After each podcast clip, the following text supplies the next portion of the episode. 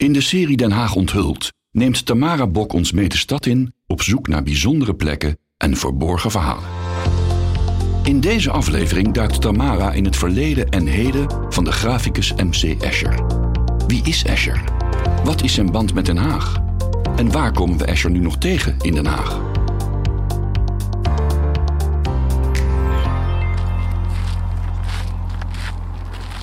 Als je het werk van Escher bekijkt, dan heeft hij vooral in zijn jonge jaren een sterke band met Italië. Escher woont en werkt namelijk veel in het buitenland uh, tijdens zijn uh, kunstenaarschap. En dat doet dus in niets vermoeden dat Escher een band had met Den Haag. Laat staan een sterke band. Ik ben nu op weg naar Judith Kadé, conservator van het museum Escher in het Paleis. In het voormalige winterpaleis van koningin Emma aan het Lange Voorhout. En ik ga aan haar eens vragen wie Escher nou eigenlijk was. Maar ook wat de band was die hij met Den Haag had. Laten we naar binnen gaan.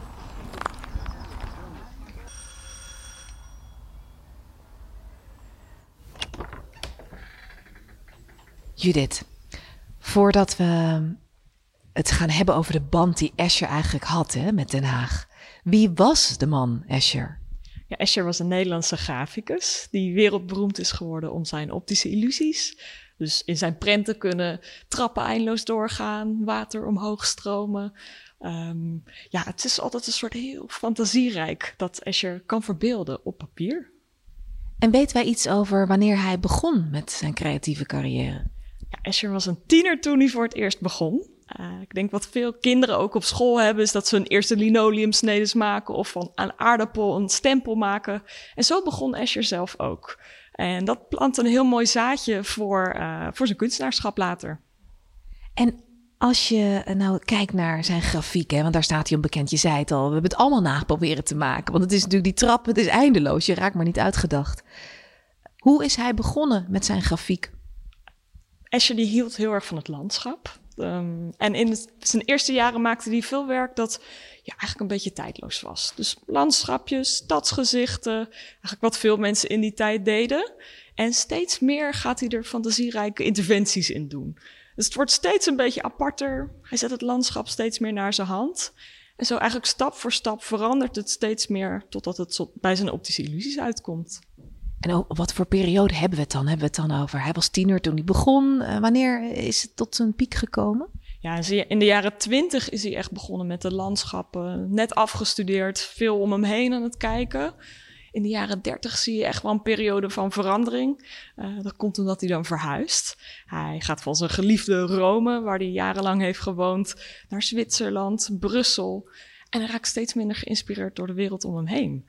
Uh, hij hield van Italië van de diepe dalen en de hoge bergen en het perspectief dat dat meebrengt.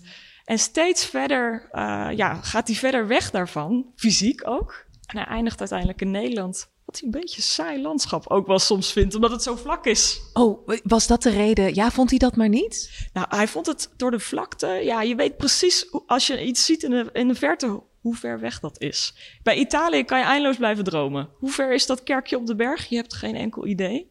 Uh, en dat is voor Escher juist altijd een inspiratiebron dus ook geweest. Maar Nederland, ja, dat vond hij toch een stukje minder uh, inspirerend. Maar juist eigenlijk wel goed, want daardoor is hij die optische illusies gaan maken. Wat ik me ook afvroeg, hij heeft een band met Den Haag. Waar is die ontstaan? Nou, bij zijn leven is Eschers uh, band met Den Haag nog ontstaan. In 1968 had hij zijn eerste grote overzichtstentoonstelling hier in Nederland en hier in Den Haag. Dus bij het uh, voormalige gemeentemuseum toen, dus nu Kunstmuseum Den Haag. En daar is de grootste museale Escher-collectie ter wereld uitgekomen. Maar eigenlijk was die band er ook al wel eerder. Want zijn, uh, zijn ouders hebben lang in Den Haag gewoond. Dus in de zomers ging hij naar hun toe en bleef hij logeren. En deed hij soms ook wel opdrachten uh, vanuit huis bij zijn ouders. En dus zo heeft hij op allerlei verschillende manieren een, uh, een verbinding met Den Haag. Goed, en het werk dat hij toen ter tijd heeft gemaakt, is dat er nog? Nou, laten we er naar eentje gaan kijken. Heel goed plan, ik ben heel nieuwsgierig.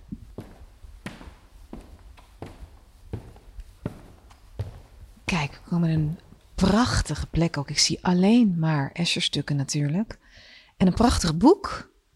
hey, dit, uh, dit is de liefde die Escher had voor uh, de, de lichtende zee. Zeg ik dat goed? Ja, Klopt, zo heet deze prent. En dit is de enige prent die hij heeft gemaakt, maar daardoor ontzettend bijzonder met als inspiratie Scheveningen. Want dit is de zee die Escher zag uh, als hij op Scheveningen stond. En in de zomer is daar zeevonk te zien. Dus dan gaat, uh, gaat de zee echt een beetje gloeien. En avond achter avond heeft Escher daar uh, gestaan. En je ziet dat heel mooi in die prent. Ja, je ziet de zee eigenlijk van onder een beetje glooien. Heel zachtjes ook. En het gaat heel zachtjes over in de lucht. In allerlei verschillende grijstinten. Het is een van mijn favoriete prenten. Ik, ik vind het heel, uh, heel warm voelen, rustig. En uh, aan de andere kant van Escher die mensen misschien niet zomaar verwachten, maar... Nou, dat wou ik dus net zeggen. Want wat je omschrijft, het is sereen. Het geeft je niet het idee van de optische illusie. En dat is bijna een afwijking te noemen op wat wij natuurlijk van hem kennen. Dat is, is de optische illusie hier helemaal niet aan bod? Nou, in deze prent niet letterlijk, maar wat je bij Escher ziet is dat hij zoveel verschillende landschappen maakt op dat moment. Uh, dus eigenlijk hè, zijn vroege periode, het is een werk uit 1933, dus dat is nog redelijk vroeg. Um, en die landschappen gaat hij later steeds meer omzetten en naar zijn hand zetten. Maar Escher was zo'n liefhebber van de zee, hij kon het toch niet laten. Um, ik wou ook heel graag naar uh, de hand met spiegelende bol. Heb je die hier ook? Zeker. Gaan we er naartoe? Dit is hem, hè? Hand met spiegelende bol uit 1935. Wat kan je me vertellen over uh, dit werk? Nou, we kijken hier naar Escher zelf. Escher staat hier in het middelpunt van deze, deze prent. Heel typerend met zo'n hele mooie baard die hij heeft op die leeftijd. En hij is dan nog in Italië. Dus dit is zijn huis in Rome waar hij zichzelf afbeeldt. En je ziet hem gereflecteerd in een uh, ronde spiegelende bol. En dan ga ik jou even een vraag stellen. Met welke hand heeft hij die bol vast? Ik denk dat hij hem uh, met een hand waar ik het bestaan niet van weet. en wat een goede vraag. Uh, je zou zeggen met links. Klopt. Als je inderdaad naar, uh, kijkt naar de hand die het vasthoudt eronder, dan lijkt dat heel erg op de linkerhand. Maar als je kijkt naar de weerspiegeling, dan lijkt het weer zijn rechterhand. Dus het is weer zo'n Escheriaanse uh, illusie. En hij speelt met wat je, wat je ziet. En wat ook nog wel grappig is, het is een lito. Dus het is afgedrukt van een steen. Dus het is ook nog in spiegelbeeld daarop gezet. Het is een spiegelbeeld van het spiegelbeeld van het spiegelbeeld. God, wat zou er zijn gebeurd als Escher in deze tijd had geleefd? Hè? En dat had gecombineerd met de, de online wereld. Ja, het is fascinerend, inderdaad. Heb je meer? Zeker. Oké, okay, heb je een suggestie? Dan ga ik met je mee. Ik vind het wel leuk om wat te vertellen over Escher en de inspiratie die hij uit wiskunde ook haalde. Want wat gebeurt er met Escher na de Tweede Wereldoorlog? Houdt hij op een gegeven moment een tentoonstelling bij een mathematisch congres. En daar zitten alle hotshots van de wiskundige wereld zitten daar op dat moment. En die gaan hem schrijven. Want die vinden hem heel interessant. En zij zien een visualisatie van zijn uh, theorie, van hun theorieën moet ik zeggen, op papier voor het eerst. En dat is dus het doek klimmen en dalen. Ja, bij klimmen en dalen is er een heel interessante wisselwerking. Want um, Escher werd getipt door Sir Roger Penrose en zijn vader. Uh, Roger Penrose leeft nog, Nobelprijswinnaar. En die zeiden, wij kennen een oneindige trap. Uh, een trap die eindeloos door kan gaan, waar je eindeloos op kan blijven lopen. Die in het echt niet kan bestaan, maar op papier wel. En dat zien we hier. Je ziet hier allerlei verschillende figuurtjes die zowel omhoog lopen, maar ook omlaag. En dat kan natuurlijk in het echt niet. In de film Inception hebben ze dat ook geprobeerd uh, na te bootsen. Ik wou net zeggen, dit is de, doet me erg denken daaraan. ja, en, en, wat het mooie daaraan is, op een gegeven moment lijkt het te kloppen bij Inception. En dan gaat de camera omhoog. En dan zie je opeens dat het helemaal niet aansluit. Dus dat het in het echt niet kan. Maar Escher die laat het uh, overkomen alsof dit gewoon heel normaal is. Alsof iedereen gewoon eindeloos kan blijven lopen. Je ziet er nog iemand in een hoekje zitten. Die is ontzettend moe. Die heeft waarschijnlijk urenlang uh, ook meegewandeld. En het wordt gewoon onderdeel van zo'n gebouw. Ik um, uh, zie dus veel optische illusies hier. We hebben het al gehad over de landschap. Hè? Dat landschap wat hij al eigenlijk vroeg in zijn carrière maakte. Er zijn natuurlijk een aantal uh, prenten ook die hij maakte. Die zijn ook vrij bekend. Maar daar wil ik eigenlijk ook nog wat meer over weten. Kan je me daar naartoe brengen? Zeker. Ja? Kom maar mee.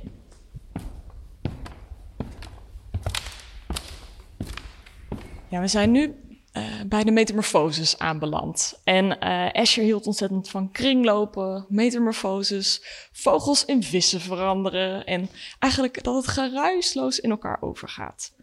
Blijft toch ook weer een illusie, die prenten? Zeker. En wat het mooie is, deze metamorfoses zijn ook een hele mooie brug naar uh, Den Haag. Want Escher was gefascineerd hierdoor, heeft drie verschillende metamorfoses gemaakt. En zijn laatste was een opdracht vanuit het Haagse postkantoor, de Haagse PTT. En zij waren onder de indruk van de metamorfoses van Escher. Uh, hij had er al eentje van vier meter gemaakt. Allemaal uit houtblokken gesneden. Ontzettend groot werk. En zij wilden een heel groot kunstwerk, zo'n metamorfose, van 48 meter. Dus behoorlijk lang. Uh, waardoor mensen wat uh, hadden om naar te kijken tijdens het wachten bij het postkantoor. En zo is dat ontwikkeld. Dus ja, heel veel Hagenaars en Hagenezen zullen dat ook nog wel herkennen van het wachten in dat postkantoor. En dat je dan naar zo'n hele grote Escher kan kijken. Ja, dat, dat doet wel wat jeugdherinneringen hier en daar opwerpen, uh, denk ik.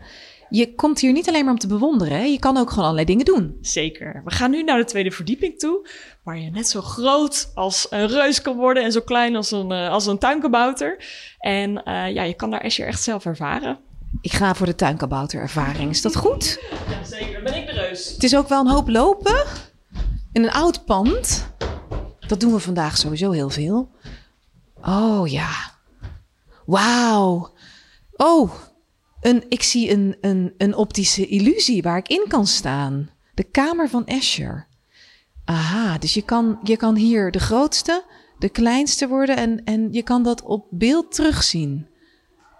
Hoe hebben jullie dit nou bedacht? Ja, dit is een Escherkamer waarbij de hoek heel laag staat. Uh, hoek, de rechterhoek en de linkerhoek, die staat heel hoog. Dus als je gaat staan daarin, de een links en de ander rechts, wat wij zo, uh, zo gaan doen, dan kan je echt een illusie creëren dat één iemand heel groot is en de ander heel klein. Mag ik dan heel klein zijn? Dat heb ik altijd al een keer gewild. Zeker. Oké, okay, we stappen even op het platform.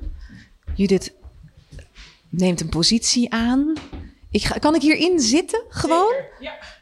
Oh jongens, het voelt alsof ik afglij, letterlijk. Oh, oké. En wat gebeurt er nu? Oh, ik zie op het scherm dat wij. Dit is heel vreemd. Jij bent gigantisch en ik ben heel klein. Ik kruip even naar de hoek. Mensen, hoe omschrijf ik het? Ik zit op een soort dambord naast een decor. En ik zit in de hoek van een kamer. En Judith is een reus. Als ik nou naar jou toe loop. We gaan even spelen met de optische illusie.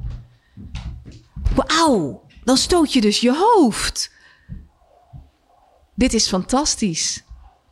Ik kan dit niet uitleggen, dus mensen moeten dit ervaren. Is dit wat Escher uiteindelijk had gewild? Ik denk wel dat het iets is wat Escher echt heel erg oproept. Juist die speelsheid, dat je het echt zelf wil ervaren. Dus dat hoort heel erg bij Escher, zeker. Hey Judith, ik begrijp ook dat um, het museum gaat verhuizen naar de Amerikaanse ambassade, maar in Den Haag. Ja, het is een heel kleine verhuizing. Het is uh, aan het einde van de straat hier. We zitten hier in het paleis fantastisch, maar we groeien een beetje uit ons jasje. En uh, ja, de voormalige Amerikaanse ambassade is vrijgekomen. Het is een pand van Marcel Breuer, heel bekende bouwarchitect. Ja, het is ook een tijdgenoot van Escher Breuer. En dat... Dus ze komen een beetje bij elkaar op bezoek, een beetje samen in Den Haag. Zeker, ja. En als je al naar de gevel kijkt, zitten allerlei uh, rechthoeken, driehoeken in. Het spreekt echt tot het uh, Escheriaanse wiskundige werk ook dat hij heeft gemaakt. En ik denk dat het een heel mooie verbinding is en dat wij uh, met nog meer ruimte, want dat is daar ook, Escher echt uh, veel meer tot zijn recht kunnen laten komen. Dus het is een uh, heel spannend project om aan te werken de komende jaren. Nou, ik kijk er naar uit om ook dan in Den Haag weer eventjes terug te komen. Dankjewel.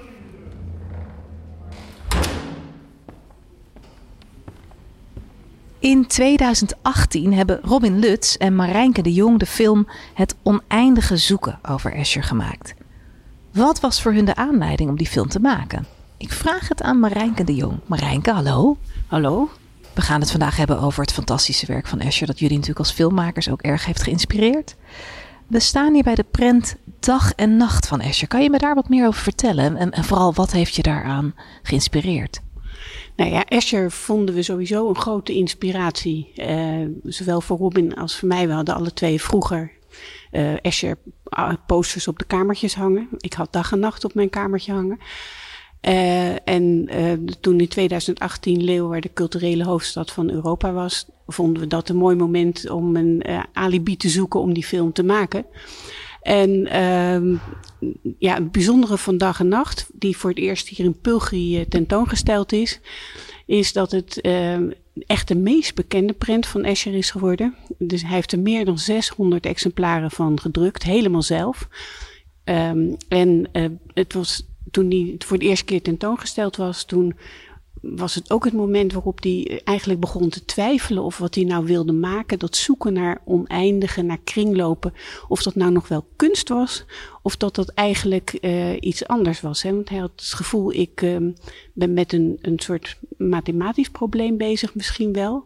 En ik zoek niet meer naar een esthetische bevrediging of zo. En als ik hier nou hang, zo tussen al die andere kunstenaars, is, maak ik nou wel kunst eigenlijk?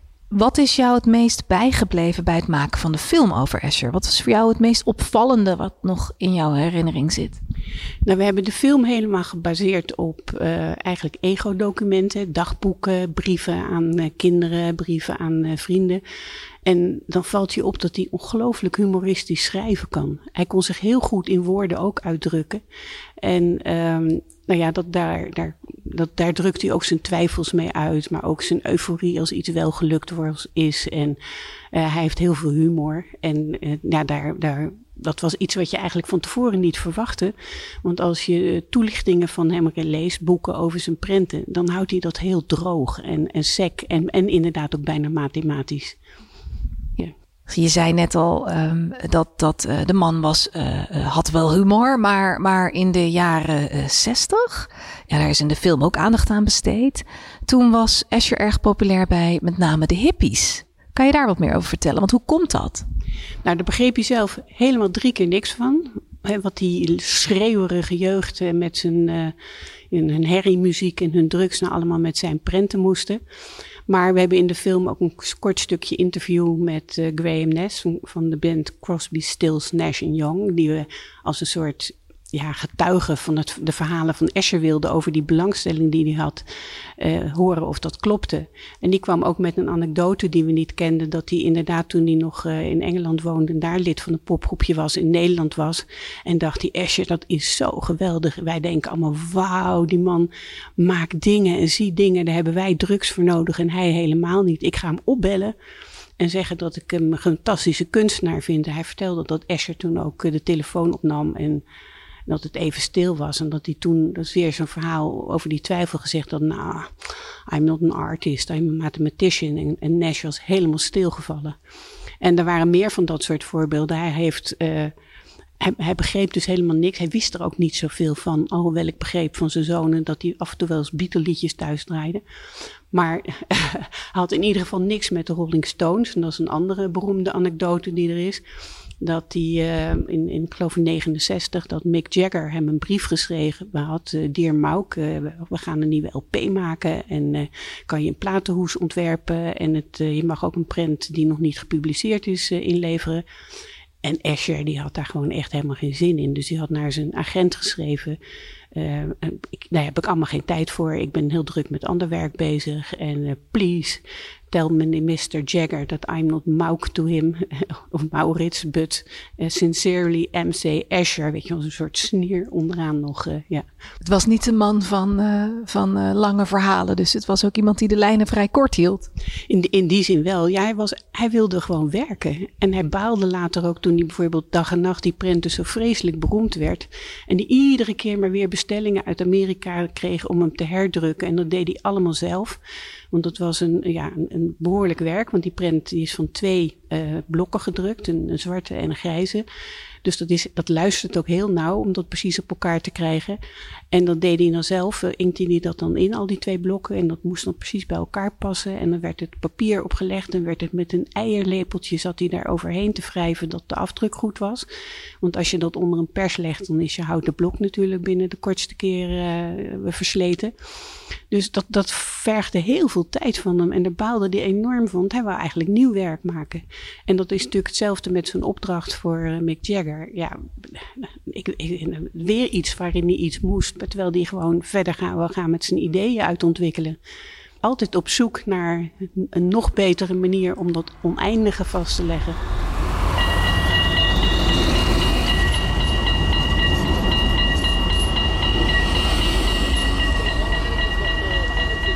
Een werk dat misschien niet iedereen kent, is het mozaïek van Escher op een gevel van het Vrijzinnig Christelijk Lyceum aan de Van Stolkweg hier in Den Haag. Uh, dat mozaïek van Escher dat is geplaatst na de nieuwbouw in 1961. Maar wat doe je als het kunstwerk bij een volgende nieuwbouw in 2016 verplaatst moet worden? Wat komt daar nou bij kijken en hoe pak je dat aan? Ik vraag dat vandaag aan Vincent de Boer van Stroom Den Haag, die verantwoordelijk was voor de verplaatsing van dit kunstwerk van Escher. En we lopen hier. Het is een prachtige dag.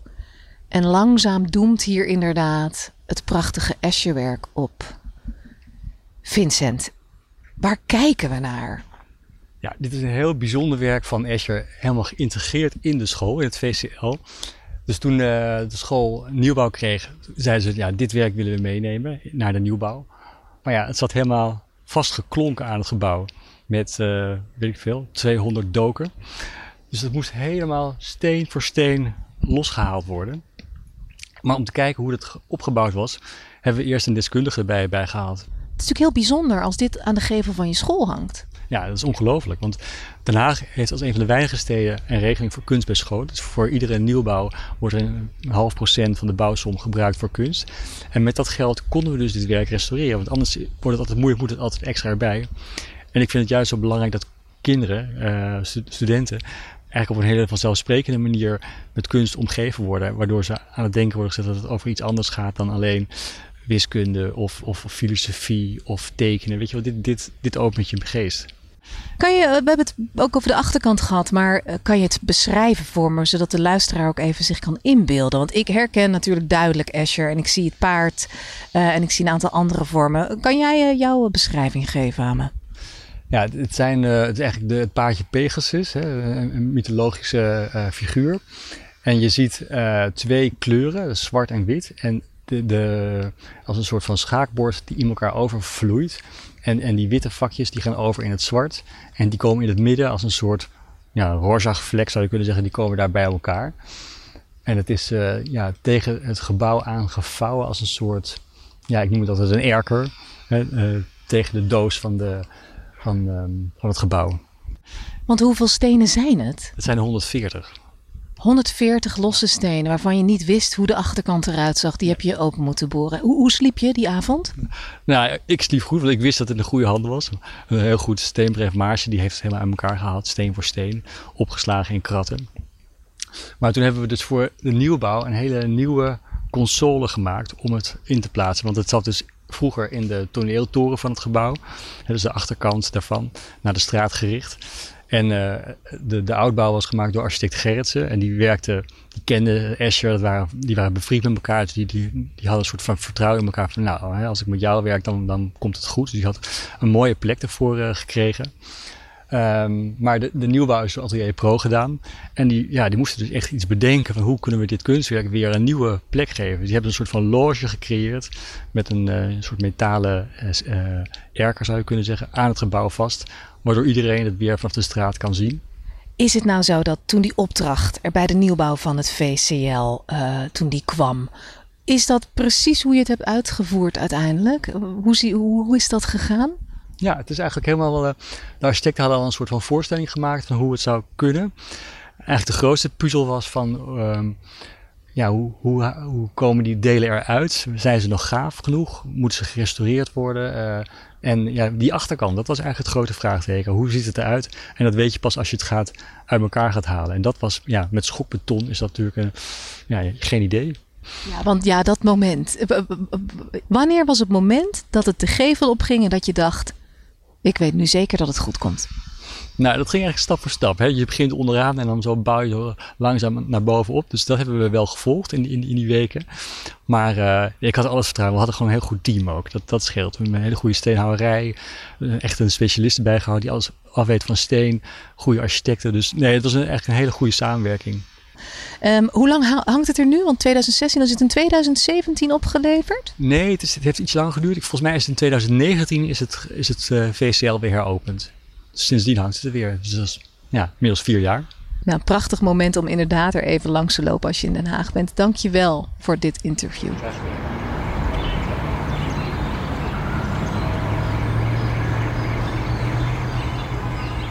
Ik loop hier door de Binkhorst in Den Haag en word werkelijk omringd door street art op de gevels van gebouwen hier. En ik ben op weg naar Leo Heusnes van de Heek Street Art Project en Koen Harmsma, kunstenaar van Bier en Brood. En tot nu toe hebben we teruggekeken naar het werk van Escher zelf. Maar ook vandaag de dag laten kunstenaars zich nog volop inspireren door Escher. En daar gaan we met deze heren even over praten.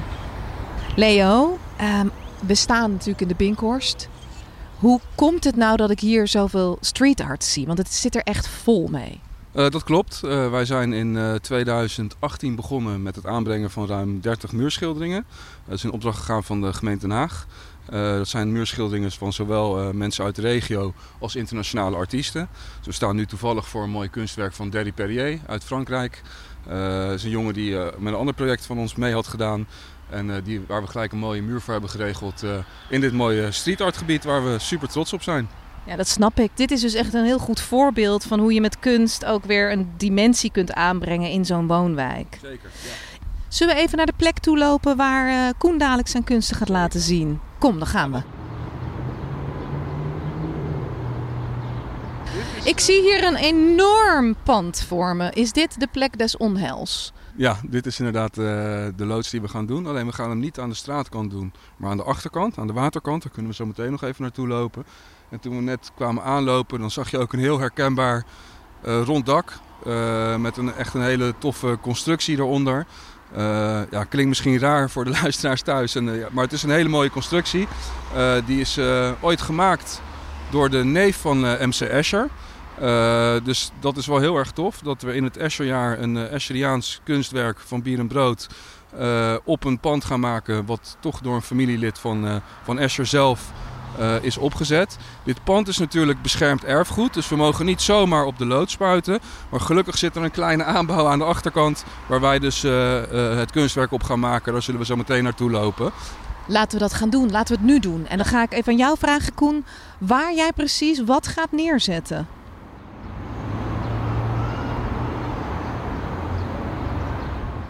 Oké, we zijn een stukje verder gelopen. Koen, is dat het pand waarvan ik denk dat het het is? Wordt dit jouw nieuwe kunstwerk? Dat is het pand. Ja, dit is de, de aanbouw aan de Escher loods. Je ziet daarboven die uh, ronde uh, onderdelen.